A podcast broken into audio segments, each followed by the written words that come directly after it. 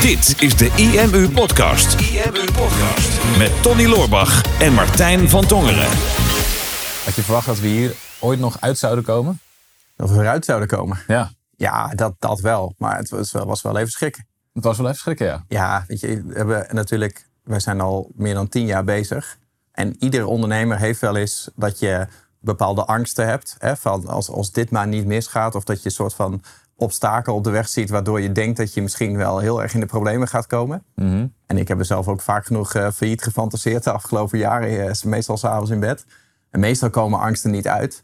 Alleen soms komt er ineens iets op je pad waarvan je denkt van... oh, dat is toch wel... Uh, ja, wij noemden dat de, de Achilleshiel in ons bedrijf. Ja. Daar waar we ineens achter kwamen van, nou, dat, dat is toch wel even schrikken. Ja, en ik weet niet hoe juist, maar dit was bij mij was dit helemaal geen angst.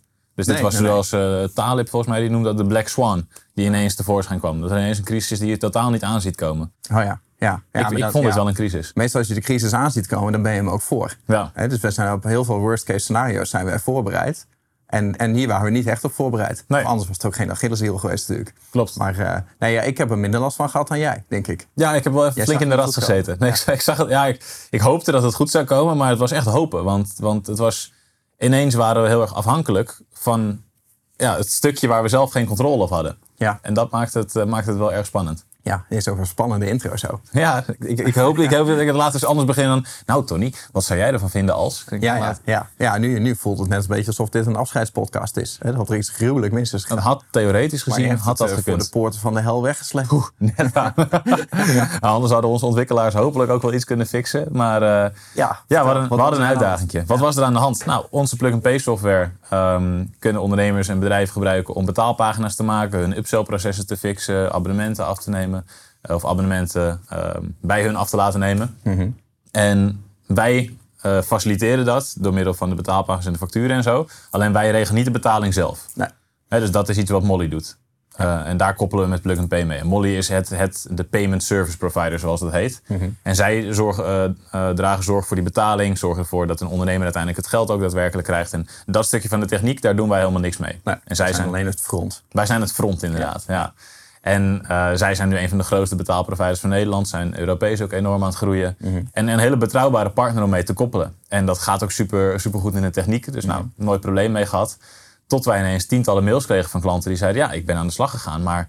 ehm, of ik ben aan de slag met Plug and Pay, maar ik word, ik word geweigerd. Ja. Ik, kan niet, ik kan niet door. Toen is wow, oké, wat, gaat hier, wat gaat hier mis? We krijgen dit, heel soms was het wel vaker. En dan zeiden we, oh, wij sturen wel even een mailtje naar onze partnermanager. En dan werd die klant vaak alsnog geaccepteerd, omdat er een foutje in zat. Ja, was heel vaak was het gewoon een, een incident. Ja. Of, of iemand gewoon met een branche wat, waar je gewoon je vraagtekens bij zet. Hè? Dat Ja. het gewoon eh, niet transparant genoeg is of dat het een beetje te nieuw is. Maar, maar nu heel veel. En het leek heel erg in onze branche te gebeuren. Hè? Wat, wat, wat Molly ook wel aangaf. eh, Van, hè, heel erg in, in, de, in de coachingsbranche was een van de branches zeg maar, waar ze strikter waren geworden. Ja, Eh, of ze stonden onder verscherpt toezicht Ja. eh, sinds korte tijd. En daardoor waren ze op een aantal soorten internetondernemingen veel, veel eh, strenger geworden. klopt. Hè, maar dat, dat begon met zeg maar, de, de edge cases, zoals onze programmeurs dat altijd noemen. Mhm. De uitzonderingsgevallen naar uiteindelijk gewoon hele standaard, gewoon betrouwbare bedrijven die al jaren bestaan en een track record hebben. Ja. Ehm, die inderdaad allemaal niet meer geaccepteerd werden. Ja, Ja. En als je geen Molly-account hebt, ja, dan kan je ook niet met Plug and Pay koppelen. Exact. Ja, dus dat was even schrikken. Dat was even schrikken inderdaad. Want eh, in het eerste contact wat wij ook hadden, toen, toen zei ons eh,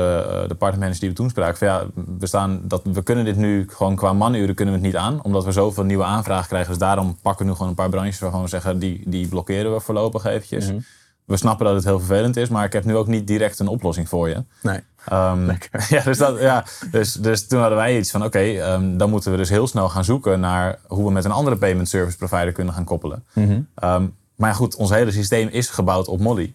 Dus dat gaat wel eventjes een aantal weken of maanden werk kosten. Dus ja, wij zaten ook vlak voor onze challenge, waarbij meer dan duizend mensen met die software aan de slag zouden gaan. Dus ik zag dat helemaal in duigen vallen. Nou, dan gaan die mensen straks aan de slag met Plug and Pay. Maar dan kunnen ze niet gebruiken omdat ze ehm, niet daadwerkelijk die betalingen kunnen ontvangen. Ja, ik dacht, ik dacht eerst van oké, dat, dat beperkt enigszins onze groei. Hè, want er kunnen nieuwe klanten kunnen niet aansluiten. Maar er was ook even sprake van dat mensen die al goedgekeurd waren, alsnog weer afgekeurd werden. Tenminste, dat had jij op een Ja. gegeven moment gezien, dat een paar mensen dat hadden aangegeven. En dan ga je wel schrikken van Ja. oké, misschien, eh, misschien, misschien is dit een doodlopend spoor. Alleen eh, bleken heel veel payment service providers bleken allemaal nu onder verscherpt toezicht te staan.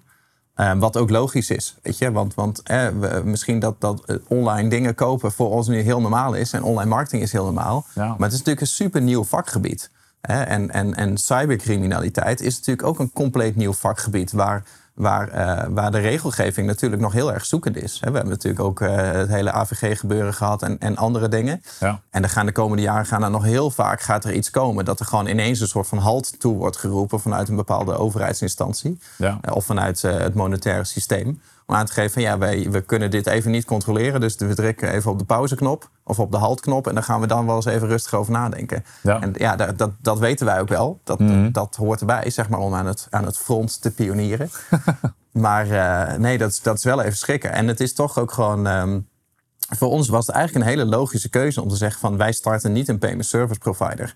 Want daar heb je er al heel veel van. Ja. En ik vind Molly echt een fantastische partij... waar we, waar we altijd, altijd heel, heel fijn mee samenwerken... en gelukkig ook blijven doen. Uh, dus wij dachten juist, het is juist heel slim... om gewoon iets daar aan toe te voegen. Hè? In plaats Ja. van dat je, dat je Dat je gaat dat je concurreren. alles gaat doen. Alleen daarmee bouw je eigenlijk wel een Achilleshiel in je bedrijf.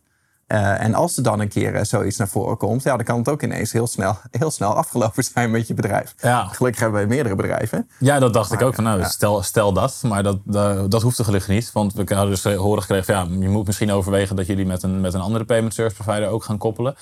Uh, want voorlopig weten we niet of we dit wel kunnen bolwerken. Maar goed, ik, ik ben wel vaker afgewezen dat ik dan nog een keer iets, Ja, iets probeer. Ja, ja, ja. Dus toen eh, dacht ik, nou, we gaan even met wat grover geschut komen. Ik denk, laat in ieder geval eens vertellen ehm, aan die partnermanagers van wat op dit moment er allemaal met Plug and gebeurt. Dus Mhm. nou, wat cijfers opgevraagd, waar, waar ik vanzelf ook gewoon stijl van achterover sloeg. Ja, een ander, deel dus wat cijfers, want maak een lekkere sappige podcast. een sappige podcast met cijfers. Wie had dat gedacht? Ja. Er zijn de afgelopen twee jaar meer dan anderhalf miljoen transacties door Plug and heen gegaan. Mhm. Dus meer dan anderhalf miljoen bestellingen. En waarvan in de afgelopen drie maanden 400.000. Mhm.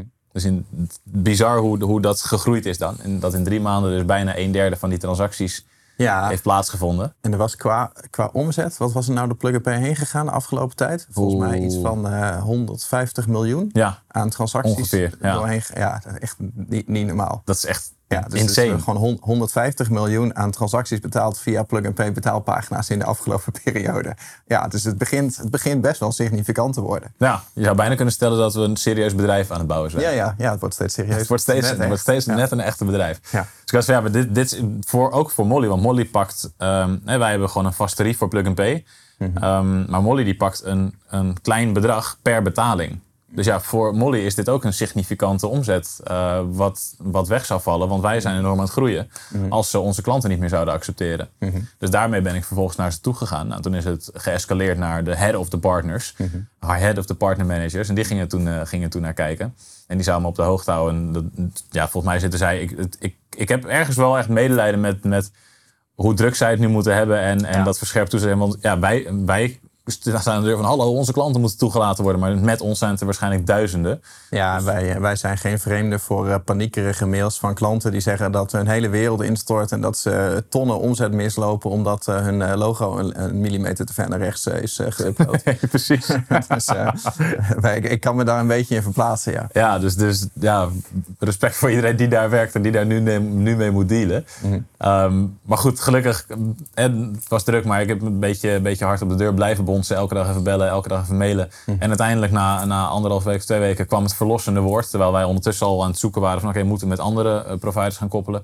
Van ehm, alle plug-and-pay klanten, eh, mensen die bij- via jullie binnenkomen, die komen op onze whitelist te staan. Dus die gaan door het normale oude proces heen. Dus die zullen over het algemeen allemaal geaccepteerd worden. Tenzij ze echt in een hele rare, eh, rare branche zitten of wat dan ook. Dus nou, ja. Dus nu hebben we ineens een mega concurrentievoordeel. ja. Want eh, ja, als je kan via plug-and-pay kan je wel weer toegelaten worden. Mag ik dan, of mag ik dan niet zeggen? Ja, dat, dat, ik, ik heb dat gevraagd ook, hè, van hoe mogen we dit, eh, mogen we dit gebruiken? Ik zei, nou, gebruiken. maar je mag wel... je mag, het alweer in een pitch slaan. ja, ik had, al, ik, had- ik had al bijna een Instagram posten. Oké, maakt niet uit. Wat je ook doet, je moet eerst plug-and-pay nemen. Heb je een webshop, maar ga je geen plug-and-pay gebruiken? Neem alsnog plug-and-pay, want dan ga je naar Molly. Advertenties opdraaien, ja, ben je afgekeurd. Ja. Geen probleem, bij ons kan altijd wel. Ja, dat, dat mag inderdaad niet, maar mochten we wel gewoon Dat dit zou je verhaal natuurlijk delen. ook nooit zeggen. Nee, nee. nee maar dit verhaal mochten we wel gewoon delen van, hè, dus als onze serieuze klanten die zullen gewoon door het normale proces heen gaan. Mhm. En dat ja, was een enorme opluchting, want we zaten vlak voor die challenge en iedereen wordt nu gewoon normaal eh, behandeld. En ook Mhm. alle mensen die daarvoor geweigerd waren, worden opnieuw in het proces meegenomen. Mhm. Dus ja, het is heel fijn om dan met die partij weer op goede voet te staan. Ja. Maar nog steeds wel, hè, wij hadden de Stripe-koppeling, die staat al twee jaar op onze, op onze roadmap, maar is nooit urgent geweest. Want we dus, nou, hè, Molly dat draait goed en we hebben een aantal andere functies die we graag willen bouwen. Ik word even gebeld. Nou, er wordt iemand, wil iemand meedoen met het gesprek. Ja, snap ik. Ja. Snap ik. Nee, Ehm, nooit overkomen dat mijn geluid aanstaat. ach, Maar, nou, no worries. Laat zien dat het live... Het is niet live, maar goed. Maar het, het wordt live opgenomen. het wordt live opgenomen inderdaad. Eh, waar was ik nou? Stripe-koppeling. Stripe-koppeling. Ja, we hebben eh, als gefocust op een aantal andere functies die we dan eerder willen bouwen. Alleen nu, dit laat wel zien, hè, we, we zijn nog steeds super blij met Molly en we zullen daar ook mee blijven focussen. Maar ja, we weten niet wat er in de toekomst gaat gebeuren. Het blijft wel de Achilleshiel van, van Plug and Pay. Ja. Dus we moeten gewoon zorgen dat we altijd een alternatief hebben voor eh, eh, potentiële nieuwe klanten, maar ook voor onze bestaande klanten, dat ze eventueel makkelijk zouden kunnen overstappen naar een andere partij. Dus zullen we waarschijnlijk met een aantal andere partijen gaan koppelen dit jaar, om te zorgen dat die Achilleshiel weg is Ja. en dat we niet nog een keer eh, voor zo'n verrassing komen te staan. Nou, het, is, het is sowieso interessant, of interessant, ook wel een beetje spannend. En maar gewoon om af en toe gewoon eens een keer op een regenachtige zondagmiddag, en daar hebben we er momenteel genoeg van, om toch gewoon eens even na te gaan denken van welke, ja, welke Achilleshiel zit er in mijn bedrijf. Hè? Dus wat, wat zie ik niet? Of, of wat zie ik wel, maar, maar heb ik een beetje weggemoffeld. Hè? Zoals eh, de blauwe enveloppen van de Belastingdienst, die als je ze maar in een laadje doet, dan bestaan ze niet. Maar meer gewoon van, oké, wat, wat zou er nou eventueel mis kunnen gaan? Want wij merken ook als een bedrijf gewoon groter groeit... ehm, dat de aantallen groter worden... dat er ook weer andere uitdagingen komen... die we, die we voorheen bijvoorbeeld niet hadden. Ja. En eh, dit, dit zit dan gewoon op bijvoorbeeld nou, de, de koppeling. Nou, was Plug and Pay een eh, nieuw startend bedrijf geweest... was het niet zo'n groot probleem geweest. Maar wij hebben natuurlijk inmiddels er een heel bedrijf mee gebouwd. Staan mensen op de loonlijst. Het is, het is, het is groot. Als dat, dat stukje nu niet meer zou werken... het gaat ook nog eens over betalingen. Dat is binnen vijf minuten al, is al een probleem. Ja. Als, als onze klanten geen betalingen meer zouden kunnen accepteren... dan is het meteen klaar. Eh, en dat is bijvoorbeeld weer iets anders dan eh, dat, dat er in je website bijvoorbeeld iets stuk gaat. Hè. Dat is niet binnen vijf minuten dat je hele business ophoudt te bestaan. Klopt. Wij, wij merken dat ook op het gebied van, ehm, eh, nou, van servers hebben we natuurlijk altijd gehad. Hè? Dus de, de, de, de, niet de service, maar de servers. Ja, ik weet nog, ik weet nog in 2005, 2016, toen, hadden, toen waren we nog met z'n vijf, met z'n zes. Op een gegeven moment groeiden we dan naar acht. Maar Douwe was de enige die de backend kon en die de servers kon beheren. En toen waren er wel eens wat, wat uitdagingen met de server en hij kon het dan altijd oplossen. Ja. Ehm, alleen, we hebben het toen wel over gehad, ja, als Douwe nu onder een trein komt, dan is het een beetje luguber eigenlijk wel, maar dat, dat was de Achilleshiel. De, de zin wel even afmaken. Ja. We hebben het er wel eens over gehad. Als, als Douwe onder de trein zou komen. dan zouden we echt in de shit zitten. Ja. Want, want we zouden eigenlijk niet weten wie dat dan zou kunnen oplossen voor ons. Nee, En we noemden als- dat toen de, de busfactor. Hè, Ja. Van, eh, van eh, wie mag er niet onder de bus komen. Of, eh, hebben we een, toen hadden we een busfactor van één. Hè. Er is één persoon die echt niet onder de bus mag komen. Want dan hebben we allemaal een probleem. Ja. En dan hebben, hebben we toch liever het zo gebouwd dat er altijd nog een fallback is. Klopt. En toen hadden we gelukkig op een gegeven moment dat, dat Alex erbij kwam toen die ging bouwen en Huddle. En die had voor een gedeelte in ieder geval dezelfde skillset eh als Douwe. Dus die zat niet aan in die codebase. Maar mocht er wat dan ook gebeuren, dan, eh, dan zou hij dat wel kunnen, kunnen fixen in ieder geval. Eh, maakt dan iets kleiner problemen. Nog steeds, ja, het is best wel fragiel als je realiseert hoeveel websites erop draaien en hoeveel mensen er afhankelijk van zijn. Ja. Nu, gelukkig, is het team zo groot en hebben we zoveel mensen die er verstand van hebben dat dat geen probleem meer is. Ehm, en is dat bij Phoenix is dat, is dat helemaal geen uitdaging meer. En onze serverparken zijn nu gesplitst. Dus als er iets in de fik staat, dan is dat ook geen probleem. En de backups zijn goed geregeld. En er zijn een heleboel dingen die in het verleden een potentieel probleem waren, die we nu niet meer hebben. Ja. En bij Plug and Pay was, het, eh, was Molly echt, echt de Achilleshiel. Of is het nog steeds. Eh, maar nu is het geen probleem. Hè, zolang je een goede schoen aan hebt, dan, eh, En dan, dan gaat het wel. dan gaat het wel. Ja, maar, maar het is goed om dat, om dat natuurlijk te, te identificeren. En Ja. eh, wat, wat ik net al zei, de meeste angsten die je hebt, die komen niet uit. En ik heb ook wel eens dat ik gewoon heel veel doemscenario's ineens bij elkaar zie. En dus dan denk ik bijvoorbeeld van, eh, oké, maar eh, wat nou als er in die hoek een concurrent opkomt... Die, eh, die deze functies zou hebben, waardoor onze software ineens overbodig zou zijn. Hè? Dan zouden we dat bijvoorbeeld kwijt zijn. En wat als we dan tegelijkertijd bijvoorbeeld... eh, ik had dat toen we naar dit kantoor gingen, had dat vorig jaar toen we die beslissing gingen nemen. Ik denk, oké, we gaan een nieuw contract tekenen voor een kantoor. Daar leggen we ons jaren op vast. Dat is een kostenpost waar je jaren aan vast zit. We gaan er heel veel geld in steken, waardoor we onze financiële buffer gaan weghalen. Wat nou als er op precies hetzelfde moment een concurrent zou komen die, die bijvoorbeeld ons aan die kant in zou halen? En wat nou als eh, we een enorme serverstoring zouden hebben of gededosed worden aan die kant, waardoor onze bestaande klanten weg zouden lopen? Of wat als we een enorm privacy-schandaal zouden hebben? Want dat, dat soort dingen liggen natuurlijk ook om de hoek. Ja. We zijn inmiddels met veel meer mensen.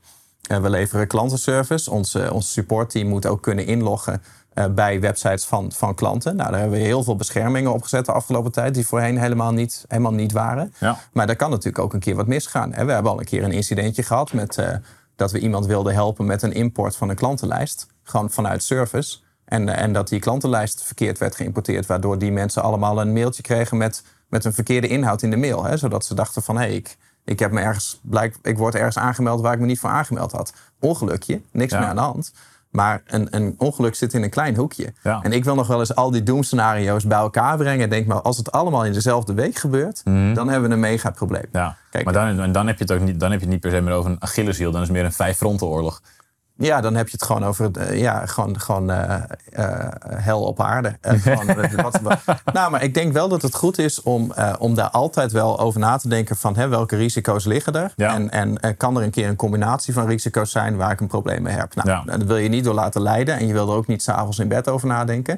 Maar het is wel goed om gewoon wel eerlijk te kijken naar hoe reëel is deze kans. En wat zou ik nu kunnen doen om dat te voorkomen? Hè? Bijvoorbeeld eh, met, eh, nou, wij, wij hebben natuurlijk technische oplossingen, maar denk, denk ook aan, aan verzekeringen bijvoorbeeld. Eh, denk aan, aan fallbacks. Hè? Nu gaat het dan over technische dingen. Misschien dat je deze podcast luistert en denkt van ja, we hebben ik allemaal helemaal niet mee te maken, want ik verkoop gewoon schoenen. Ja, daar heb ik helemaal geen last van. Maar ook daar, ik kan me herinneren, in 2010 hadden wij een, een Google AdWords, heette dat toen nog, Google Ads campagne draaien. En dat was toen, begin 2010, onze enige marketingstrategie.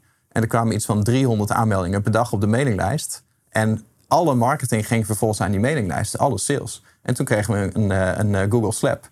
Werden al onze Google-advertenties geblokkeerd, omdat we iets hadden gedaan wat niet mocht. En heel vaak weet je bij Google of Facebook helemaal niet wat je hebt gedaan, waardoor je geblokkeerd wordt.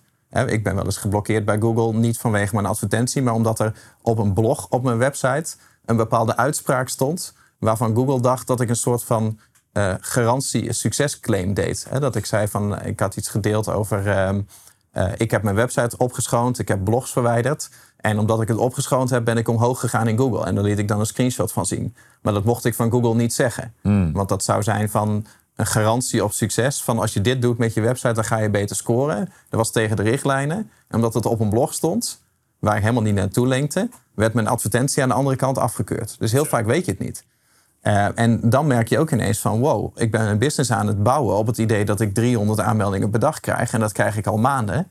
Maar nu mijn advertentieaccount is geblokkeerd, ga ik naar nul. Dus vanaf morgen is er, is er geen aanwas meer. En zal ik het moeten doen met de mailinglijst die ik al heb. Ja. En zo kun je op alle fronten wel. Hè? Dus, dus eh, eh, teamleden, eh trafficmethode, eh, je, je online verdienmodel, ehm, de server, servercapaciteit, privacy, eh, privacy-schandalen, eh, een partner die er ineens mee op kan houden. Een hele grote klant die je misschien al jaren hebt die weg zou kunnen gaan. Ja. Ik denk dat het wel goed is om af en toe gewoon even dat soort dingen op te schrijven en eh, te kijken wat is er reëel. En, en wat zou ik nu al kunnen doen om, als dat probleem zich ooit voordoet, om dat voor te kunnen zijn. Ja, en mocht er, mocht er zo'n probleem zijn, dat je in ieder geval weet van dat er een soort van fallback zou kunnen zijn. Je hoeft er niet, niet nu Ja. meteen. Hè, want, want dat is ook een probleem dat, dat je dan misschien ondernemers hebt die nu dan te veel in de paniekmodus zouden gaan en alles helemaal dicht willen timmeren. Maar zorg in ieder geval dat er een, mocht het gebeuren, zeker als het een klein risico is, dat je een fallback kan hebben. Ik weet ook nog in 2015, toen ging ik drie weken op vakantie. Ja, dat was onze Achilleshiel. Jij was dat. Ik was de Achilleshiel. Maar jullie konden het wel een paar weken bolwerken toen. En Ja. wel met z'n vieren. Dus er wa- was nog wel een soort van fallback. Dus dat was ook wel een Achilleshiel. Maar die was minder erg dan als Douwe bijvoorbeeld was weggevallen in die periode. Ja. Want dan hadden we echt een acuut probleem wat niemand kon oplossen op dat moment. Nou ja, eh, sterker nog, we hebben dat natuurlijk jaren gehad. Hè. We, hebben nu, we zijn inmiddels tien jaar bezig en we hebben drie softwarebedrijven met drie ontwikkelteams. En nu het afgelopen jaar zijn die ontwikkelteams ineens verdubbeld. Ja. Hè, voor afgelopen anderhalf jaar. Maar daarvoor was het, was het natuurlijk heel dun gezaaid bij ons qua ontwikkelaars. We hebben echt gewoon twee, drie jaar op rij gehad dat we gewoon één sollicitatie per jaar kregen. Dat we gewoon echt niet aan ontwikkelaars konden komen. Ik weet, toen ik begon, toen hadden we één ontwikkelaar en die was niet eens in dienst. Dat was gewoon een, een samenwerking. Eh, en eh, die had een systeem gebouwd en die kreeg gewoon eenmalig betaald op het moment dat mensen bij mij dat systeem kochten. En daarna werd het mijn klant en ging ik ermee verder. En dan was de afrekening daar al geweest. En dan moest ik natuurlijk hopen dat, dat hij daarna nog genegen was om, om, om mee te gaan helpen. Ehm, en, en daarna met, met, met andere ontwikkelaars ook. We hebben dat nu gelukkig wel redelijk netjes dichtgebouwd. Ik denk ook niet dat het erg is, zeker in de beginfase, dat je een tijdje weet dat je eigenlijk een heel groot probleem kan hebben, dat je een beetje de spanning opzoekt. Mhm. Alleen dat is natuurlijk heel iets anders als je met, met z'n tweeën of z'n drieën bent, of je hebt een eenmanszaak en je weet van nou, ik ben gewoon alleen.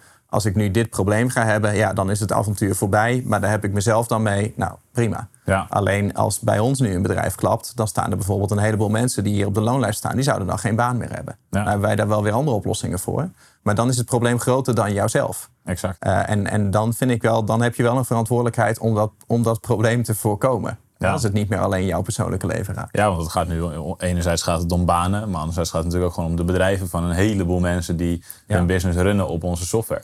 En ja, als je net begint, dan, dan hoort het er gewoon bij inderdaad. Dan hoort het bij het snel groeien dat je niet meteen alles kan dichttimmeren wat potentieel fout zou gaan. Want als je in een groeimodus zit en je bent net, aan net bezig en je gaat alles zorgen dat er nooit iets fout kan gaan, mhm. dan kan je niet groeien. En dan kan je dus uiteindelijk ook niemand helpen met je bedrijf. Dus dat is altijd het, het, ja, de tweestrijd waar je in zit. Van kies ik nu voor dat ik die risico's heb en dat ik daarmee akkoord ga, zodat ik een paar stappen verder kom? Of ga ik het dicht timmeren, maar kom ik vervolgens niet verder? Ja, klopt. Je moet een beetje in balans blijven. Ja, in balans blijven dus maar. Ja, precies. Ja. Zie jij nog, een, zie jij nog een, een doemscenario voor ons waar we nog niet naar hebben gekeken?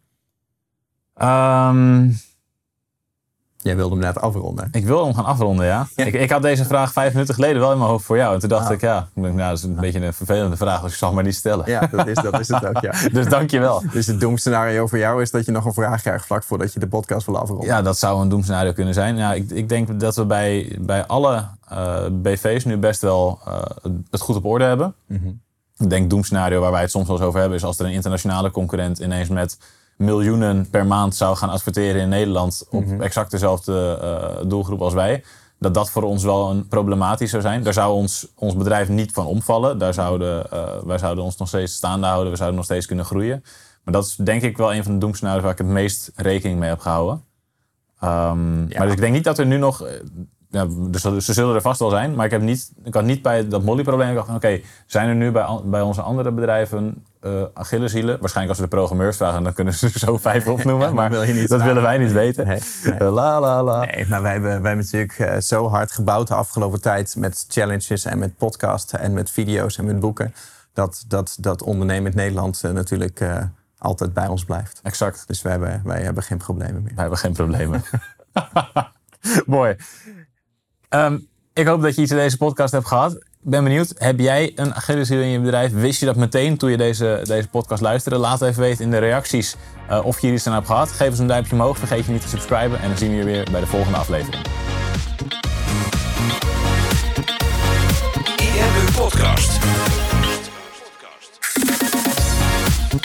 Super tof dat je hebt geluisterd naar de IMU podcast. Ik hoop dat je dit waardevol vond en dat je er inzichten uit hebt kunnen halen voor jezelf en voor je eigen business.